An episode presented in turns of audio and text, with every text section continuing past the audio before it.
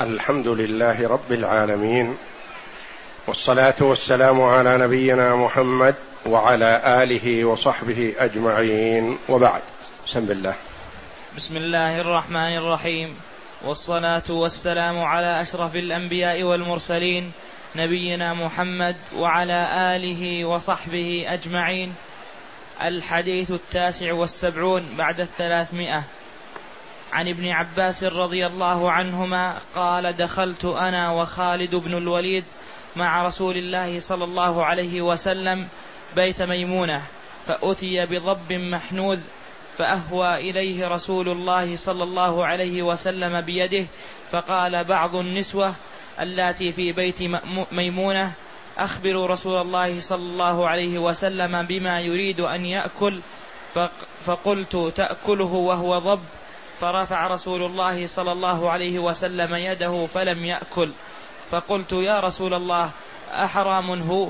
قال لا ولكنه ولكنه لم يكن بأرض قومي فأجدني أعافه. قال خالد فاجتررته فأكلته والنبي صلى الله عليه وسلم ينظر إلي. هذا الحديث عن ابن عباس رضي الله عنهما إذا قيل ابن عباس فالمراد به عبد الله رضي الله عنه. فهو ابن عم رسول الله صلى الله عليه وسلم وحبر الأمة وترجمان القرآن رضي الله عنه وأرضاه. دعا له النبي صلى الله عليه وسلم بقوله اللهم فقهه في الدين وعلمه التأويل يعني التفسير تفسير القرآن. وكان آية في الذكاء والحفظ رضي الله عنه وأرضاه. وهو ابن للعباس والعباس عم رسول الله صلى الله عليه وسلم. ويكنى يكنى العباس بأبي الفضل. لأن الفضل ابن العباس أكبر من عبد الله بن عباس رضي الله عنهما. عن ابن عباس رضي الله عنهما قال دخلت أنا وخالد بن الوليد مع رسول الله صلى الله عليه وسلم بيت ميمونة ميمونة أم المؤمنين بنت الحارث رضي الله عنها وهي خالة عبد الله بن عباس وخالة خالد بن الوليد رضي الله عنهم. هي خالة الاثنين فهي بنت الحارث والحارث له أربع بنات. إحداهن أم المؤمنين والأخرى أم الفضل زوج العباس رضي الله عنه. والثالثة أم خالد بن الوليد رضي الله عنه والرابعة تزوجت في قومها.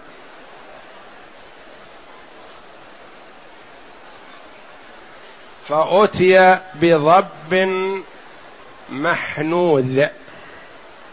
بضب الضب معروف حيوان بري في صيده فدية. هدي لأنه من الصيد الذي يحرم على المحرم قتله أيا كان في الحل أو في الحرم ويحرم قتله إذا كان في الحرم.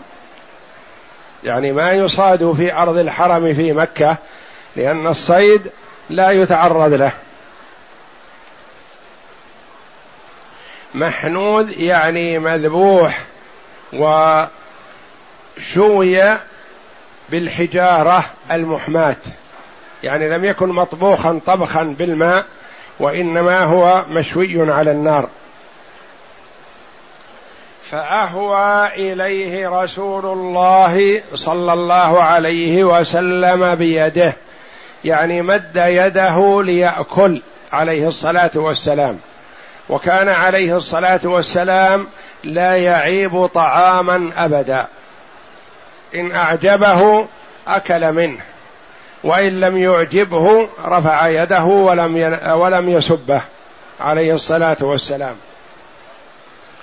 فأهوى إليه رسول الله صلى الله عليه وسلم بيده فقال بعض النسوة اللاتي في بيت ميمونة هذا ضب وفي بعض الأحاديث أنه إثنان أحضرتهما خالتهما الثالثة. خالتهما خالة ابن عباس وابن وخالد بن الوليد أتت به من قبل أرض نجد. فقال بعض النسوة اللاتي في بيت ميمونة وروي أنها ميمونة رضي الله عنها التي هي أم المؤمنين قدمته للنبي صلى الله عليه وسلم وأخبرته أرادت أن قبل أن تخبره أراد أن يأكل ثقة بأن أهله لا يقدمون له إلا الحلال فقدموه له فأراد أن يأكل فأخبر عليه الصلاة والسلام خشية أن يأكل شيئا لا يرتاح له. فأخبروه فقالوا إنه ضب فرفع يده عليه الصلاة والسلام. وما عابه وما سبه رفع يده ما أكل.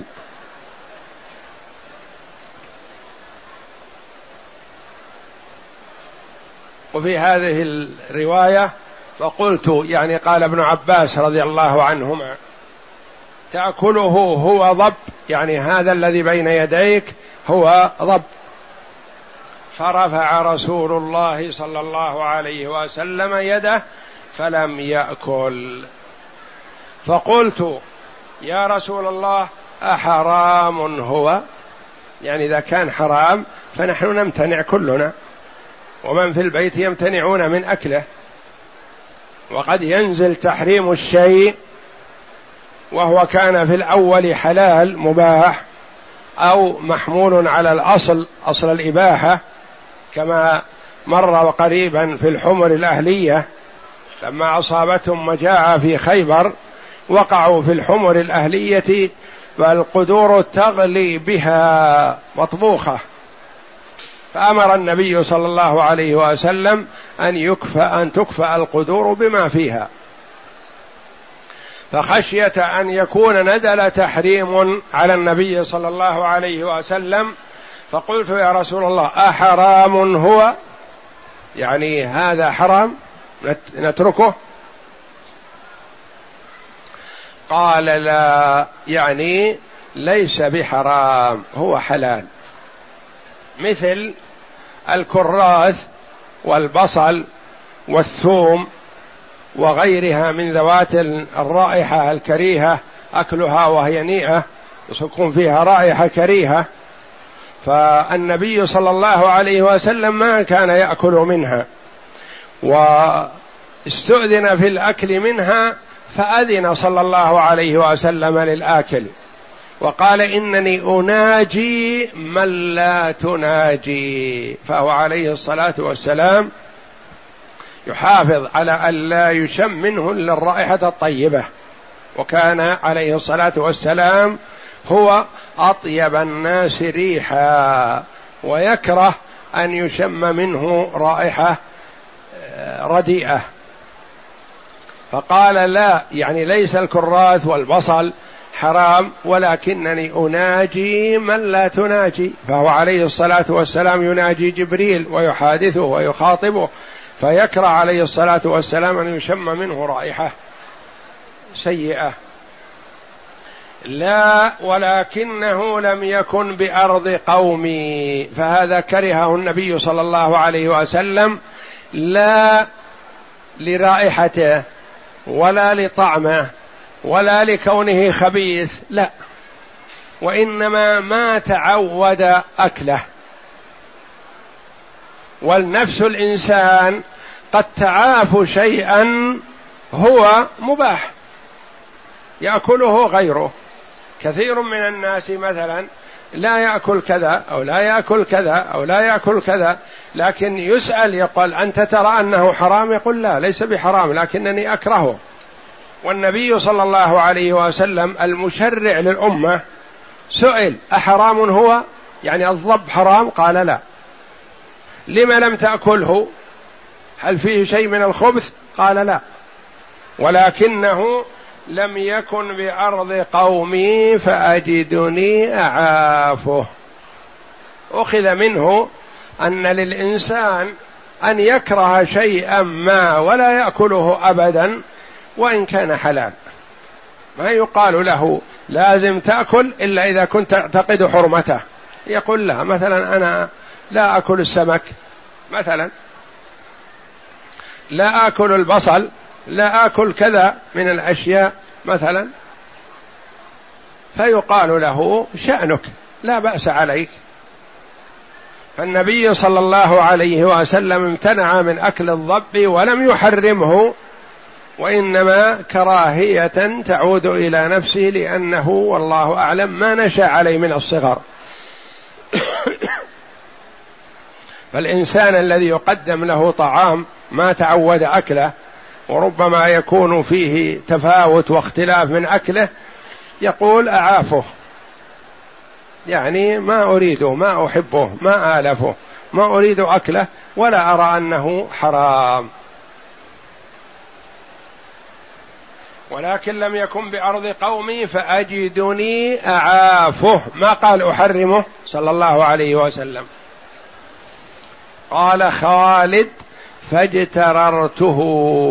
يعني جررت الضب وأكلته والنبي صلى الله عليه وسلم ينظر. ما كره النبي صلى الله عليه وسلم من كراهية ما كره منه أكله. ولا قال له لا تكثر من أكله فإنه يضرك. أو قال لا تأكله بين يدي أو نحو ذلك لا. سكت عليه أقره عليه الصلاة والسلام. وكون خالد رضي الله عنه جره وأكله أولا ليظهر للأمة الإباحة أن الرسول عليه الصلاة والسلام أقره على ذلك. ثانيا جبر خاطر لخالتيه. لخالة أم المؤمنين التي قدمته إلى النبي صلى الله عليه وسلم فلم يأكل منه. وخالته التي أحضرته من جهة نجد كذلك إذا أكل بين يدي النبي صلى الله عليه وسلم يطيب خاطرها. أفضل من أن لو رد عليهم لم يوكل منه.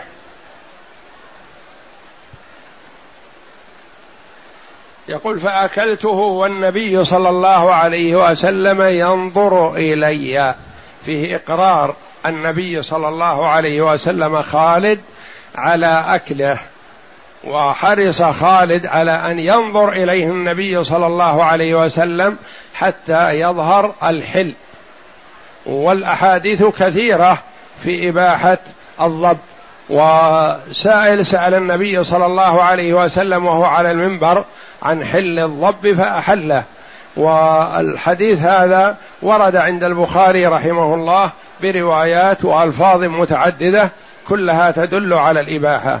قال الإمام النووي رحمه الله والإجماع على حله. ويروى كراهية عن بعض أصحاب أبي حنيفة رحمه الله. وقال قوم بحرمته يقول الإمام النووي رحمه الله.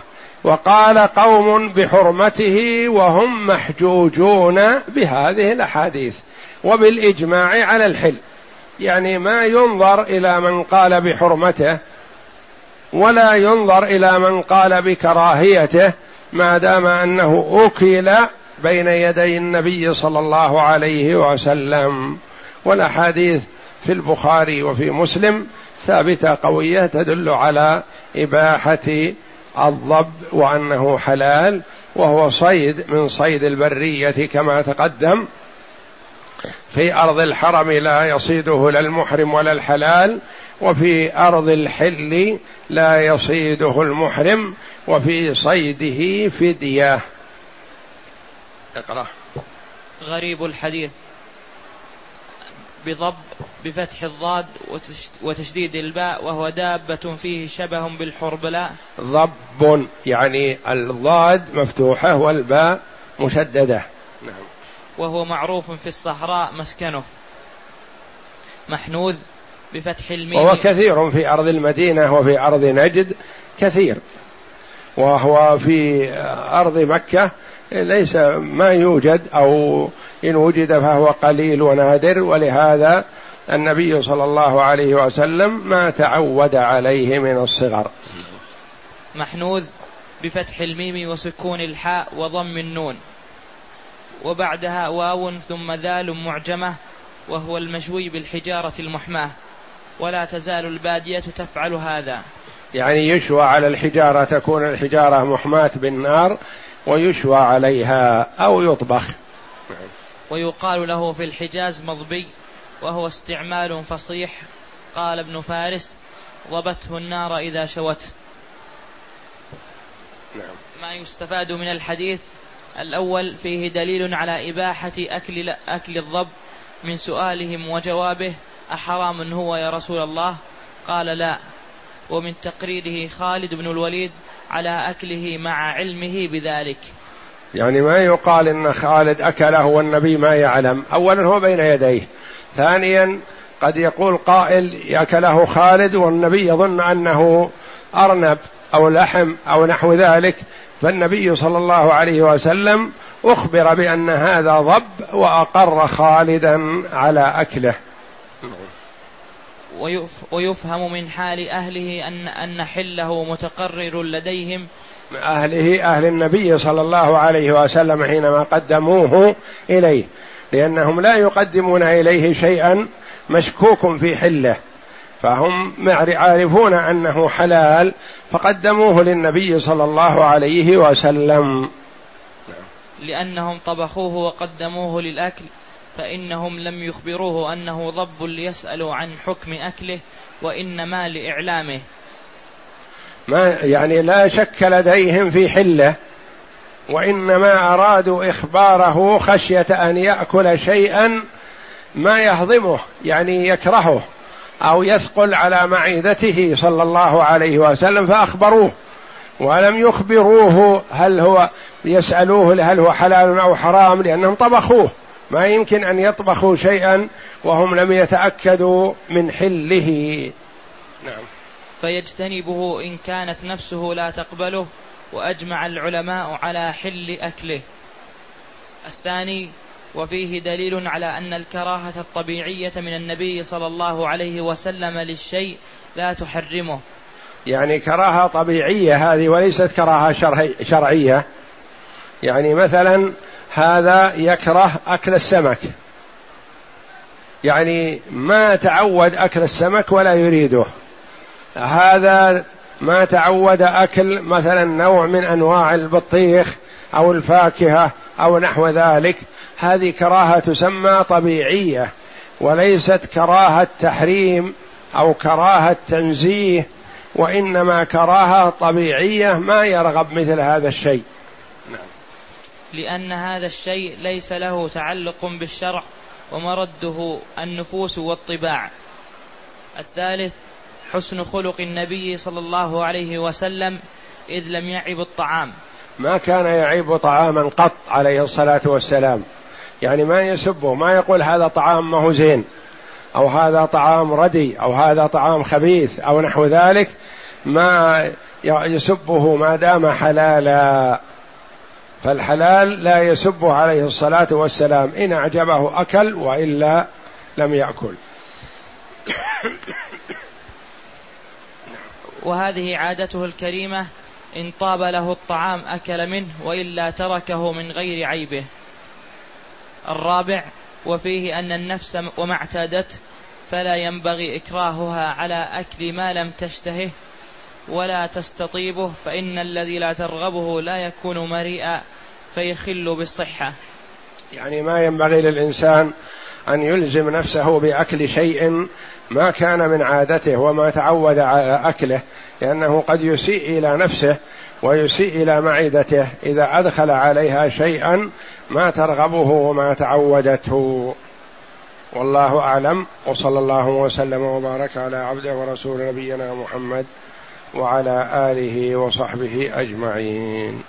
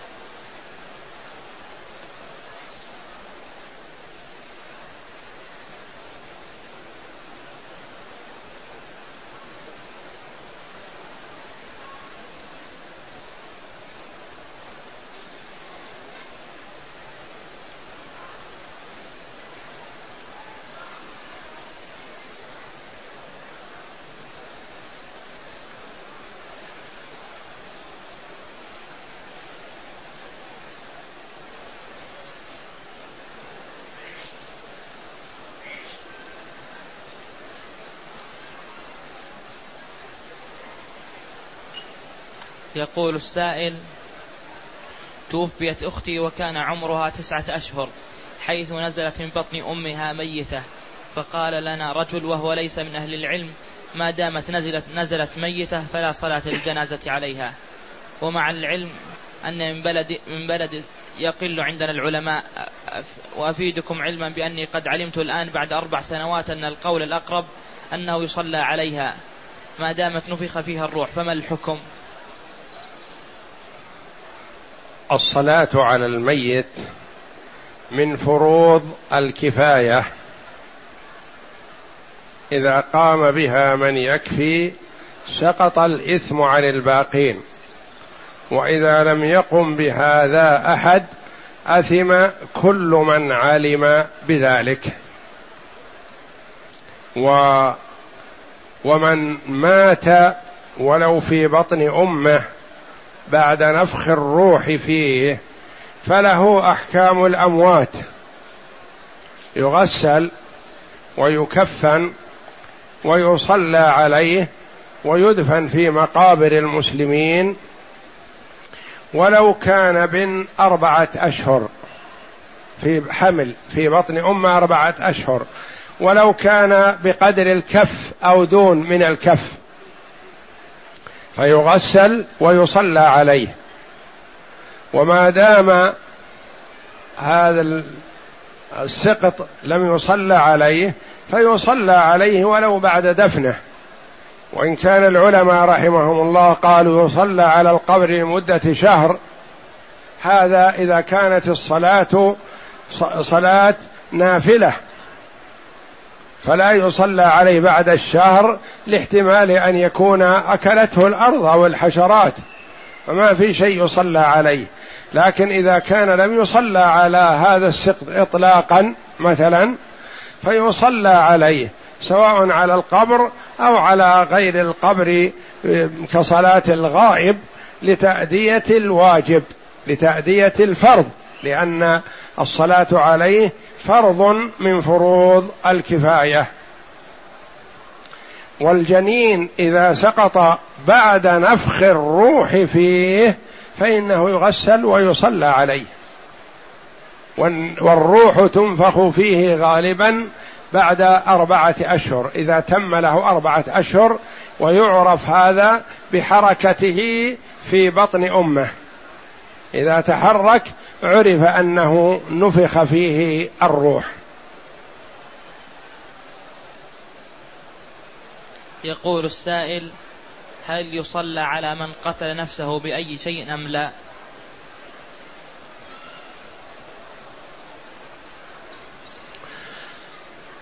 قتل المرء لنفسه كبيرة من كبائر الذنوب وجرم عظيم ويحرم على المسلم أن يبادر بقتل نفسه لأن نفسه ليست ملكا له وهو متوعد بالوعيد الشديد بعذاب الآخرة.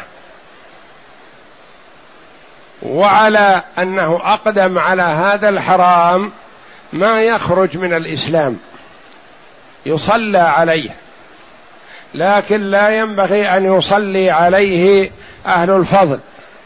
الإمام والعلماء والخيار ما يصلون عليه ردعا للآخرين عن الإقدام على مثل فعله.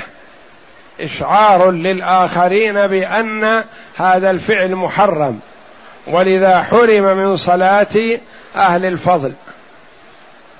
فلا يصلي عليه أهل الفضل وإنما يصلي عليه عامة الناس. ولا يحرم من الصلاة عليه لأنه مسلم. حتى وإن ارتكب كبيره من كبائر الذنوب فلا يخرج من الإسلام. ومن أصول أهل السنة والجماعة أن المسلم لا يخرج من الإسلام بارتكاب كبيرة من الكبائر. يلام على ارتكاب الكبيرة ويحرم عليه ذلك لكن ما يخرج من الإسلام. زنى سرق شرب الخمر قتل نفسه قتل غيره ما يخرج من الإسلام بفعل الكبيرة.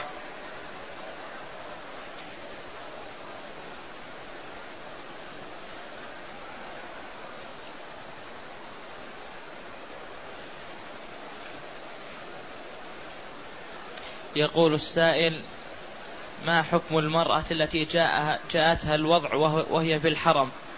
ووضعته في الحرم هل عليها شيء لخروج الدم الولادة وغير ذلك؟ لا ليس عليها شيء لأن هذا ليس باختيارها. وينبغي أن يوضع تحتها شيء يمنع من تلويث المسجد. فإن تلوث بفعلها فيغسل ولا حرج عليها.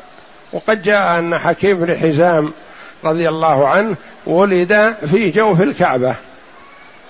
جاءت أمه وهي حبلى به ودخلت الكعبة في الجاهلية قبل بعثة النبي صلى الله عليه وسلم. فأخذها المخاض وهي في جوف الكعبة فولدته في الكعبة.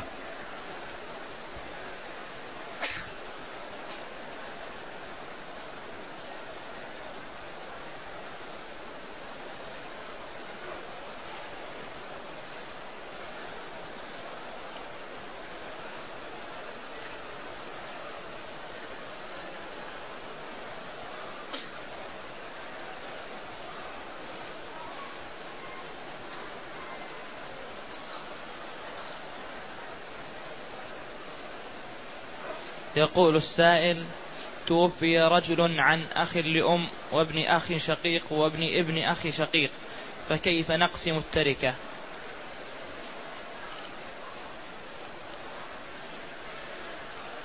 الأخ لأم له السدس فرضا وابن أخ شقيق وابن ابن أخ شقيق الباقي لابن الأخ الشقيق الأول. وابن ابن الأخ الشقيق ليس له شيء لأنه حجبه عمه. فالسدس للأخ لأم فرضا والباقي لابن الأخ الشقيق تعصيبا.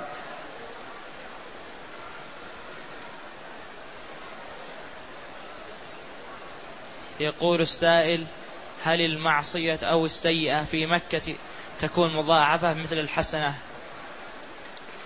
الحسنة مضاعفة في مكة بالعدد وأما السيئة فلا تضاعف إلى عشر سيئات أو مئة سيئة أو أكثر من ذلك أو أقل ب... لأن الله جل وعلا بجوده وكرمه يضاعف الحسنات. وبعدله بعباده لا يضاعف السيئات.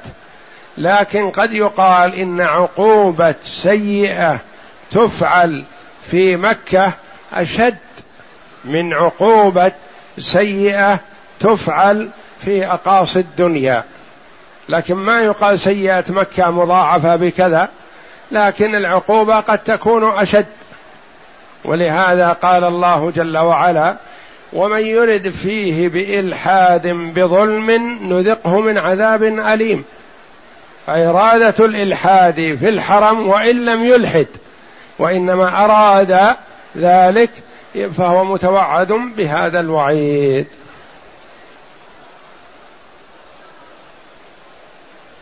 يقول السائل هل الآية للذكر مثل حظ الأنثيين تخص تركة الأب وتركة الأم؟ أم الأب فقط؟ للذكر مثل حظ الأنثيين. هذا في الميراث سواء كانوا أبناء يرثون وبنات يرثون من أبيهم أو يرثون من أمهم أو إخوة يرثون من أخيهم. فهكذا للذكر مثل حظ الأنثيين. إذا ماتت امرأة عن ابن وبنت للابن سهمان وللبنت سهم. إذا مات رجل عن ابن وبنت فللابن سهمان وللبنت سهم. إذا مات أخ عن أخ وأخت أشقا فللذكر سهمان وللأنثى سهم وهكذا.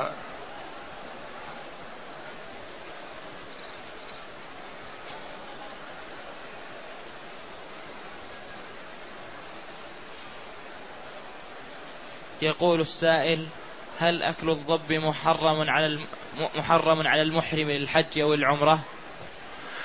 يحرم على المحرم أكله إذا صيد أجله محرم ولم يكن قصد الصيد من أجله فله أن يأكل منه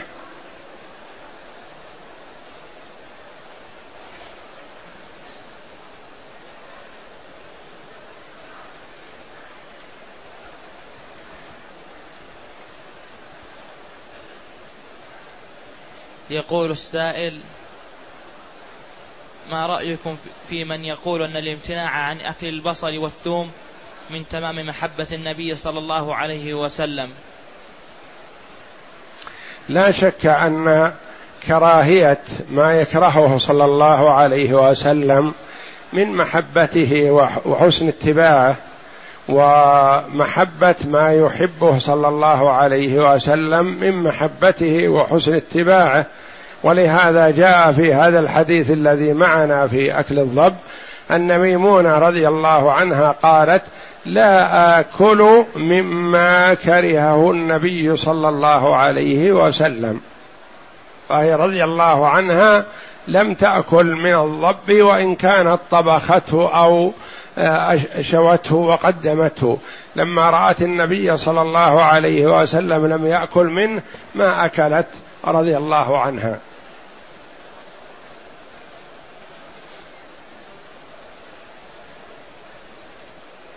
يقول السائل هل قتل الذباب في الحرم حرام شرعا؟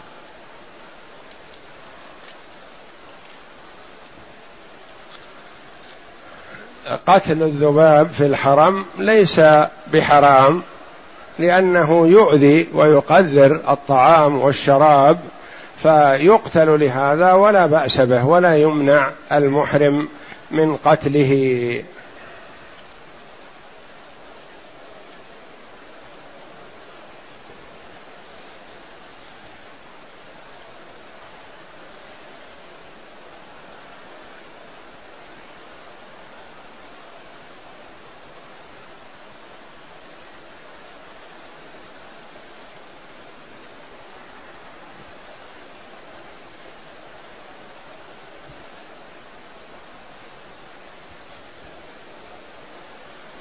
يقول السائل أنا مريض وأستعمل علاجا طويل المدى والآن قرب رمضان فهل لي أن أفطر في نهار رمضان للاستعمال؟ علما أن الطبيب قرر مدة معينة لا بد من استعماله له فيها دون انقطاع. المريض له أن يفطر والحمد لله في نهار رمضان بنص القرآن. وإذا فإذا كان بصيامه يتضرر بزيادة المرض أو بطول مدة المرض أو بأي أذى يؤذيه في هذا. حتى وإن كان لا يجد مشقة لكنه مأمور بشرب الماء. أو أكل دواء أو نحو ذلك فله أن يفطر والحمد لله ولا حرج عليه. ثم إذا أفطر إذا كان مرضه هذا عارض ويرجى برؤه فيقضيه إذا من الله عليه بالشفاء ولو تأخر. وأما إذا كان مرضه هذا مزمن يعني ملازم ولا يتوقع أنه يستطيع القضاء في المستقبل فيطعم عن كل يوم مسكين ولا شيء عليه بمقدار كيلو ونصف من قوت البلد. إذا أطعم كيلو ونصف عن كل يوم فله أن يفطر ولا ينبغي للمريض أن يرهق نفسه. أو يلزم نفسه بالصيام مع المشقة أو يؤخر استعمال العلاج المحدد بكل مثلا ست ساعات أو كل ثمان ساعات أو كل أربع ساعات وهكذا. ما دام الطبيب الذي أعطاه إياه مسلم وقرر بأنه لا بد أن يستعمل هذا العلاج وإلا زاد مرضه أو تأخر برؤه أو نحو ذلك فله أن يستعمل هذا الدواء ويفطر. وإذا أفطر فكما تقدم إن كان يأمل القدرة على القضاء فيقضي متى ما قدر على ذلك وإن كان يظن الا يستطيع القضاء فيطعم عن كل يوم مسكين. فقد جاء أن أنس بن مالك رضي الله عنه خادم النبي صلى الله عليه وسلم. طال عمره ببركة دعوة النبي صلى الله عليه وسلم. فقد تعدى المئة رضي الله عنه. فكان في السنتين الأخيرتين من عمره ما يستطيع الصيام مع بقاء عقله وذهنه وإدراكه. فكان إذا دخل رمضان جمع ثلاثين مسكينا وأطعمهم طعاما يشبعهم وأفطر سائر الشهر رضي الله عنه وأرضاه.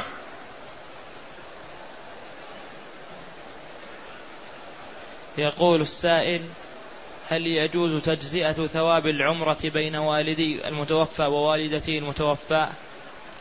لا يا أخي العمرة تكون عن واحد فقط.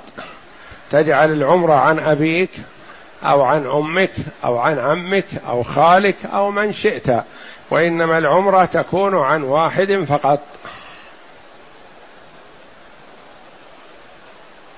يقول السائل المسافر هل له أن يجمع العصر بعد صلاة الجمعة؟ العصر ما تجمع مع الجمعة للمسافر لأن الجمعة لا يجمع معها. إذا صليت ظهرا يوم الجمعة فلك أن تجمع معها العصر. أما إذا صليتها جمعة مع إمام يجمع فلا تصلي صلاة العصر معها.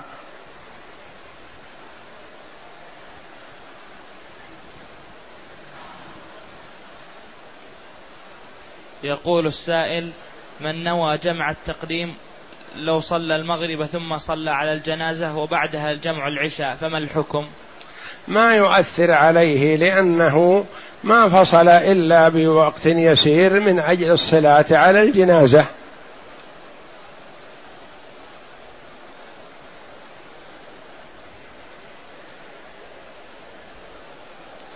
يقول السائل من كان يحب أكل الضب إلا أنه تركه اقتداء بالنبي صلى الله عليه وسلم هل له أجر في ذلك؟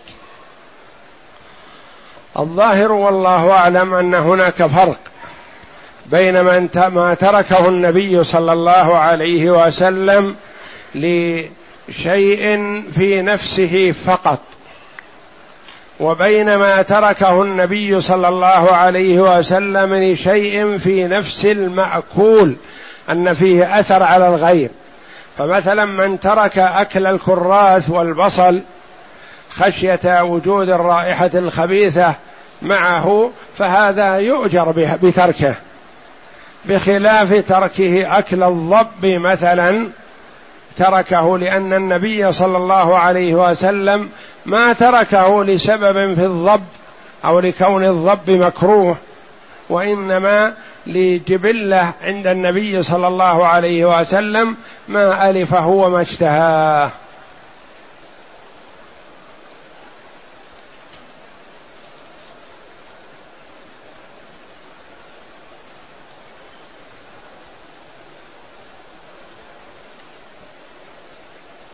يقول السائل لبس ما كان يلبسه النبي صلى الله عليه وسلم هل هو من السنة التي يؤجر عليها؟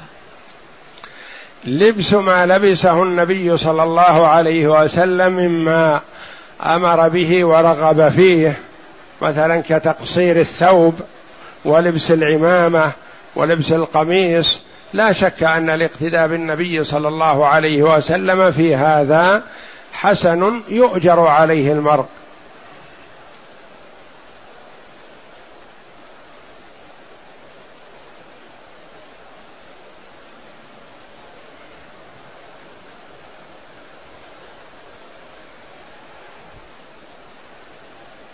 يقول السائل ما حكم خروج المرأة في الأفراح متزينة, أمام, متزينة أمام النساء مع إظهار جزء من بدنها؟ إظهار المرأة شيء من محاسنها أو من بدنها أمام النساء الأخريات. هذا لا يخلو. إن كان شيء عادي وغير ملفت للنظر ولا مؤثر على الآخرين فلا شك أنه يباح لها ذلك. إظهار وجهها وتزيين وجهها ويديها وتزيين يديها ورجليها وتحسين رجليها ونحو ذلك. أما إظهار شيء من باطن جسمها فهذا إن كان هناك ضرورة فلا بأس بهذا. أن تخرج مثلا صدرها للعلاج لعلاج من قبل امرأة أو تري مثلا ما تألم ما تتألم منه ونحو ذلك فلا حرج فيها. وأما إذا كان تظهر شيئا من باطن جسمها أمام النساء فهذا وإن لم يكن من العورة فمن الحشمة أن تحفظه وتستره. لأنها ربما تخرجه فتقتدي بها الأخريات فيخرجنه أمام الرجال الأجانب. ويقولون رأينا هذا من فلانة وكانت ملتزمة فيقتدون بها فتخرج النساء من محاسنهن أمام الرجال الأجانب. فالأولى للمرأة أن تكون محتشمة في لباسها ولا تخرج ما بطن من جسمها حتى وإن لم يكن من العورة. لئلا يكون في هذا دعوة للأخريات دعوة فعلية غير قولية لإخراج محاسنها أمام من لا يجوز أن تخرجه عنده.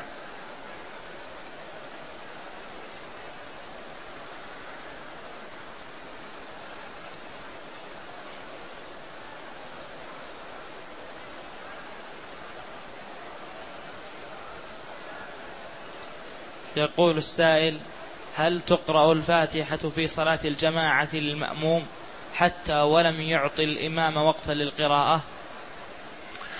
قراءة المأموم خلف الإمام الفاتحة فيه ثلاثة أقوال للعلماء رحمهم الله.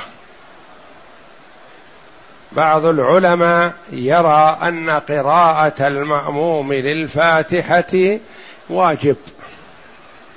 لقوله صلى الله عليه وسلم لا صلاة لمن لم يقرأ بفاتحة الكتاب. آخرون قالوا هذا الحديث فيما إذا كان الرجل إماما أو منفردا.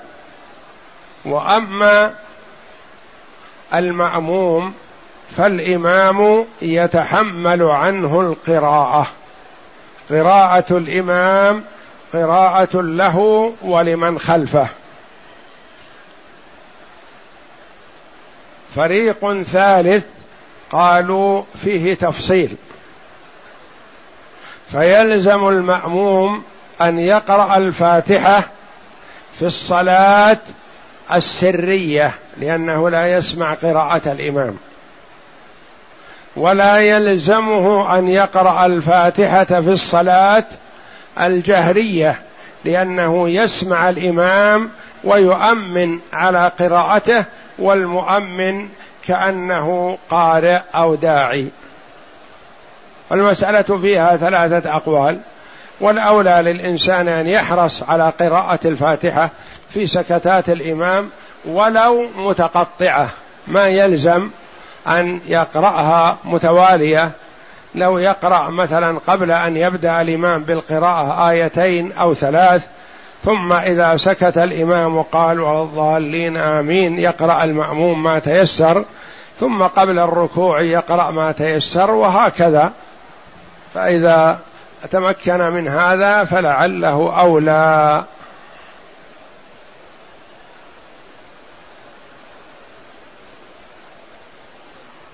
يقول السائل هل رفع اليدين في الدعاء أثناء صلاة الفجر أم لا؟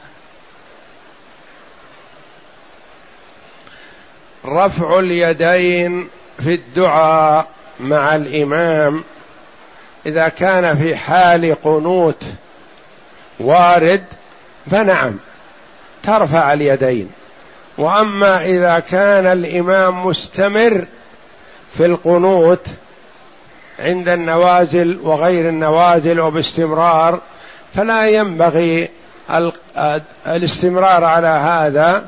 والإمام المأموم حينئذ لا ينبغي له أن يرفع يديه لأن آخر الأمرين من رسول الله صلى الله عليه وسلم ترك القنوت في صلاة الفجر. قنت صلى الله عليه وسلم شهرا يدعو على رعل وذكوان وعصية عصت الله ورسوله قبائل من قبائل العرب. ويدعو للمستضعفين بمكة ثم كان آخر الأمرين منه ترك القنوت. فالأولى ترك القنوت إلا عند النوازل إذا نزل بالمسلمين نازلة فيقنتوا في صلاة الفجر وغيرها.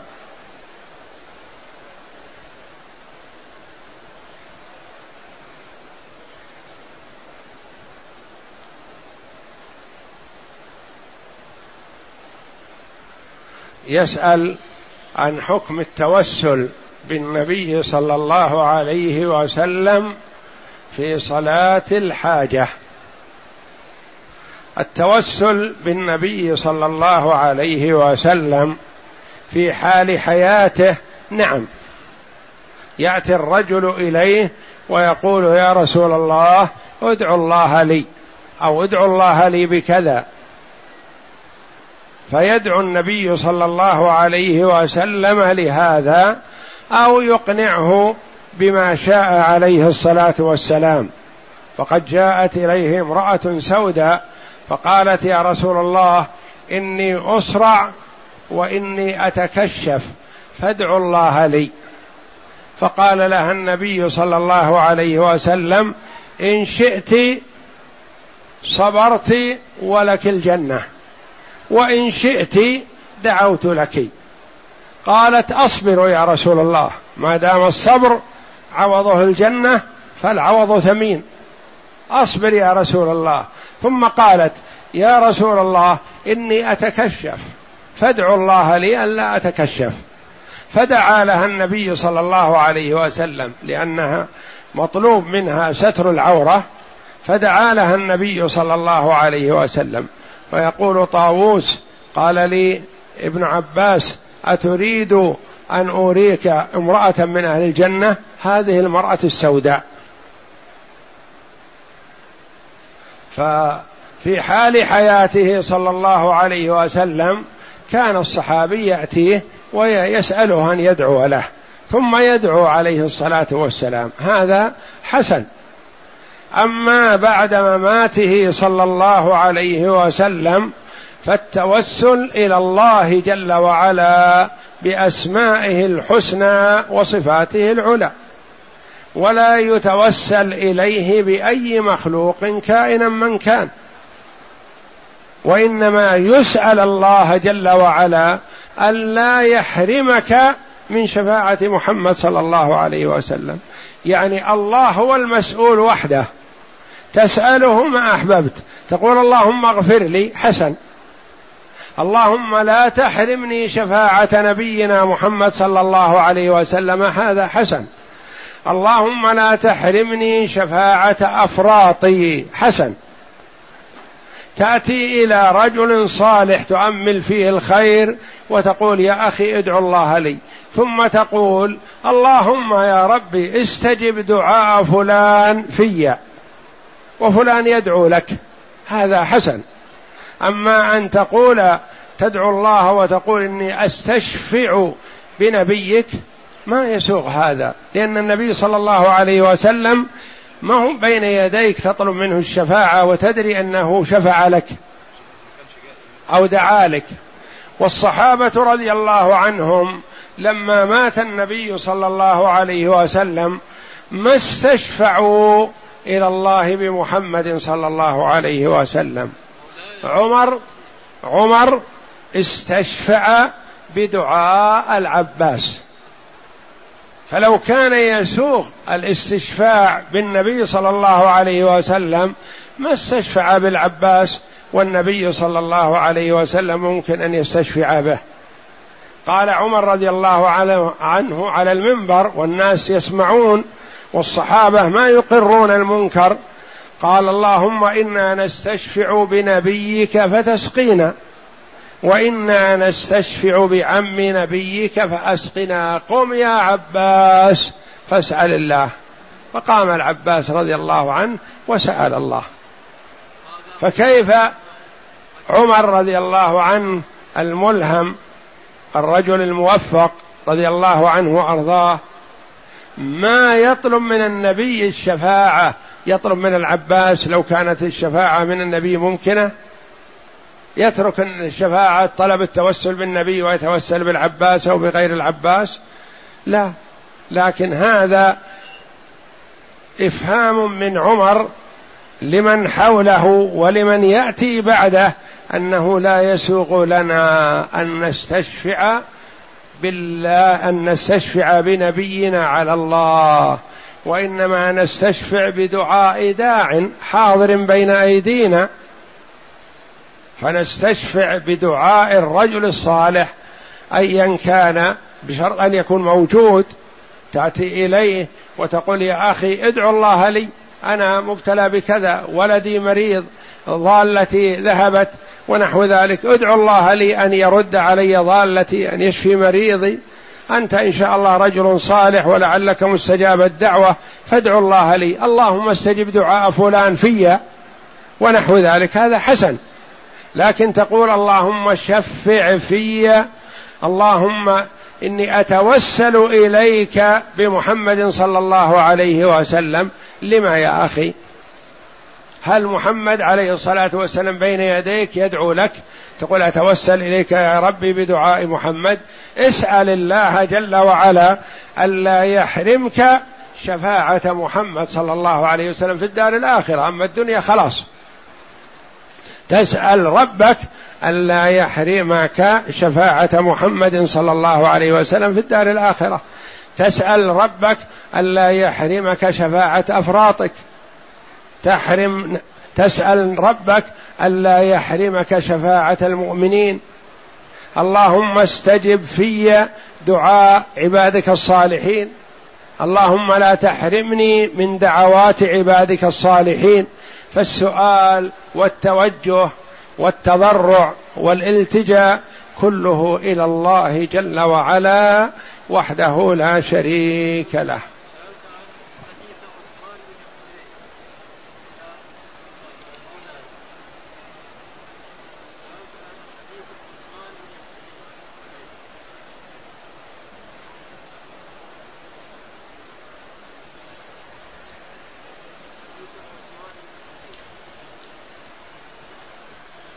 يقول السائل امرأة جاءت من الخارج لتأدية العمرة وفاجأتها الدورة الشهرية في غير ميعادها ومستمرة. فكيف تؤدي عمرتها علما بأن وقتها بمكة قد قارب على الانتهاء؟ وأنها أحرمت بالعمرة قبل الدخول بمكة قبل دخول مكة أثناء توقف الدورة.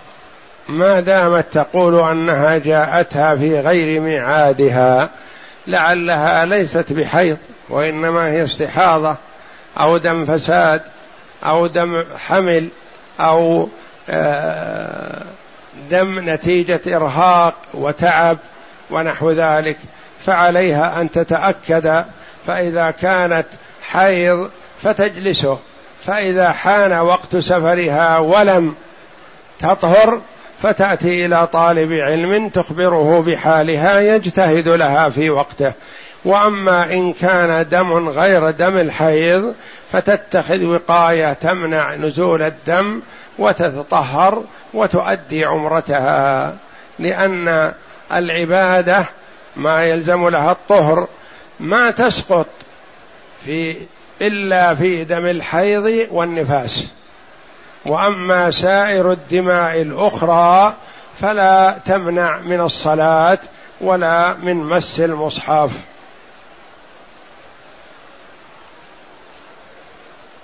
يقول السائل ما حكم ذبح الهدي يوم ثمانية ذي الحجة؟